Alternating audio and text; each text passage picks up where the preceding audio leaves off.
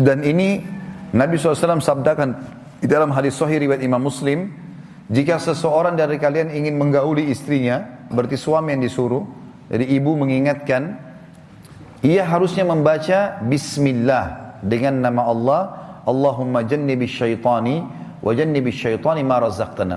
Ya Allah jauhkanlah kami berdua dari syaitan dan jauhkan syaitan dari apa yang engkau karuniakan kepada kami. Maksudnya adalah kenikmatan seksnya dan juga e, kalau ada anak, anak itu jangan diganggu oleh syaitan. Karena kata Nabi SAW, siapa yang baca ini dan dikaruniai anak, istrinya hamil, maka syaitan tidak akan membahayakan anak itu. Kata para ulama hadis tidak akan jadi nakal. Ya. Ini jaminan dari Nabi alaihi salatu wassalam.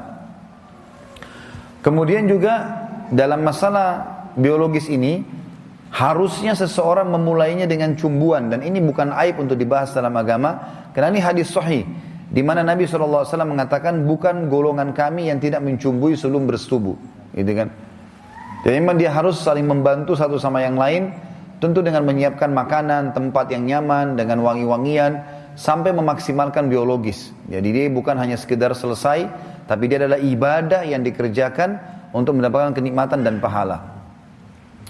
Kemudian juga tidak boleh menggauli istri dari dubur tidak boleh juga menggauli kemaluan pada saat haid dan nifas.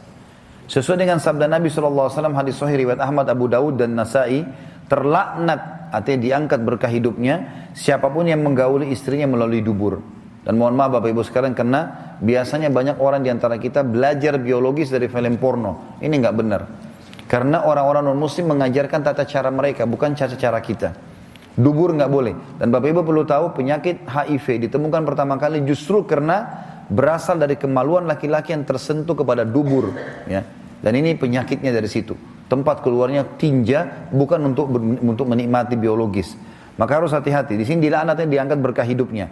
Dalam hadis yang lain kata Nabi SAW, Allah tidak akan melihat siapa pun suami yang menggauli istrinya dari duburnya. Juga dalam hadis yang lain itu hadis sahih riwayat Ahmad Ibnu Majah.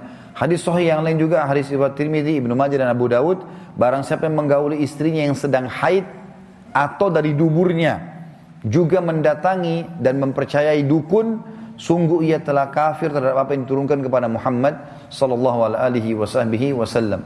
Jadi kalau lagi haid Bapak Ibu sekalian tidak boleh meletakkan kemaluan di kemaluan karena itu berbahaya. Dan itu darah kotor, Allah menyebutkan dalam Al-Baqarah surah nomor 2 ayat 222 A'udzu billahi minasyaitonir yas'alunaka 'anil mahid qul huwa adzan fa'tazilun nisa fil mahid Ditanyakan kepada Muhammad tentang haid katakan dia adalah kotoran maka jauhilah wanita untuk digauli di kemaluannya pada saat haid. Tapi bukan berarti tidak boleh bercumbuan, bukan tidak boleh mencari kenikmatan. Karena Nabi SAW mengatakan dalam hadis riwayat muslim waktu ditanya ya Rasulullah, apakah wanita kami kalau lagi haid tidak boleh kami sentuh sama sekali?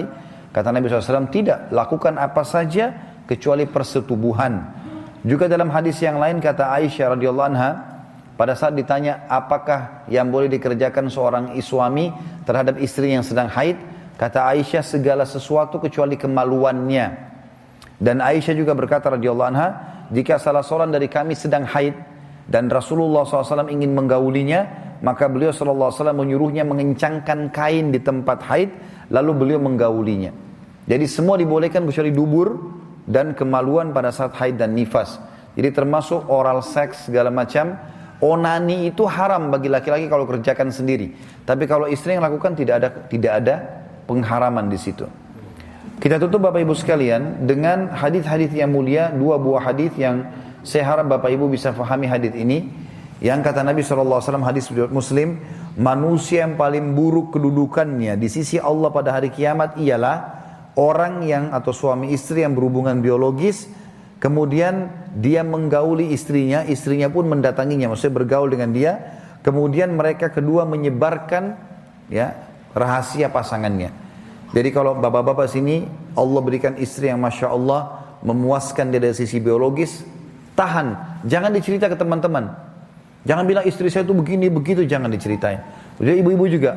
Kalau Allah berikan suami yang Masya Allah memuaskan secara biologis, nggak usah cerita sama teman-teman. Ini pertama ada ancamannya. Orang paling buruk kedudukannya hari kiamat. Masya Allah benci dengan dia. Yang kedua dia memang punya efek sosial. Kalau misalnya laki-laki di sini, eh, Masya Allah di luar sana, bukan di sini. Ada, ya, Karena ini saya lebih baik di luar sana. Kalau ada seorang laki-laki yang istrinya masya Allah puasin dia. Lalu dia cerita sama teman-temannya, istri saya begini, istri saya begini. Terus di antara lima orang teman yang dengar, istrinya nggak begitu. Apa yang akan terjadi? Dia akan ganggu istrinya orang ini. Dan itu banyak terjadi. Rumah tangga rusak gara-gara si laki-laki ceritakan tentang istrinya. Dia tidak sadar temannya menghubungi istrinya diam-diam. Dan istrinya kaget. Kok bisa tahu rahasia saya? Kok bisa tahu perempuan pakai perasaan? Terbuka komunikasi. Akhirnya cerai bisa nikah sama orang itu. Banyak terjadi. Begitu pula dengan perempuan. Suami saya begini, suami saya begitu. Suami mereka teman-teman tidak begitu.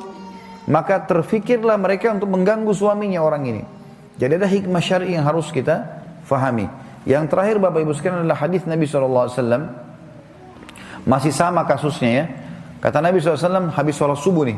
Beliau angkat suara dengan keras dan ini penutupan bahasan kita. Mungkin kata Nabi SAW seseorang dari kalian ya menceritakan apa yang ia lakukan dengan istrinya dan mungkin seorang perempuan di antara kalian hai wanita di perempuan menceritakan apa yang suaminya lakukan, apa yang dilakukan sama suaminya. Kata Asma binti Yazid radhiyallahu anha, istri eh, salah satu sahabat Nabi SAW, sahabat Nabi, beliau mengatakan benar demi Allah wahai utusan Allah, kaum wanita melakukannya dan kaum pria juga melakukannya. Di zaman sahabat dikerjakan dulu itu, tapi mereka belum tahu hukum. Keluarlah hadis Nabi SAW. Maka Nabi SAW mengatakan jangan lakukan itu karena itu perumpamannya seperti setan pria atau laki-laki menemui setan perempuan di jalanan lalu ia menyetubuhinya sementara semua orang melihatnya. Dan hadis ini riwayat Imam Ahmad. Maka harusnya hati-hati Bapak Ibu sekalian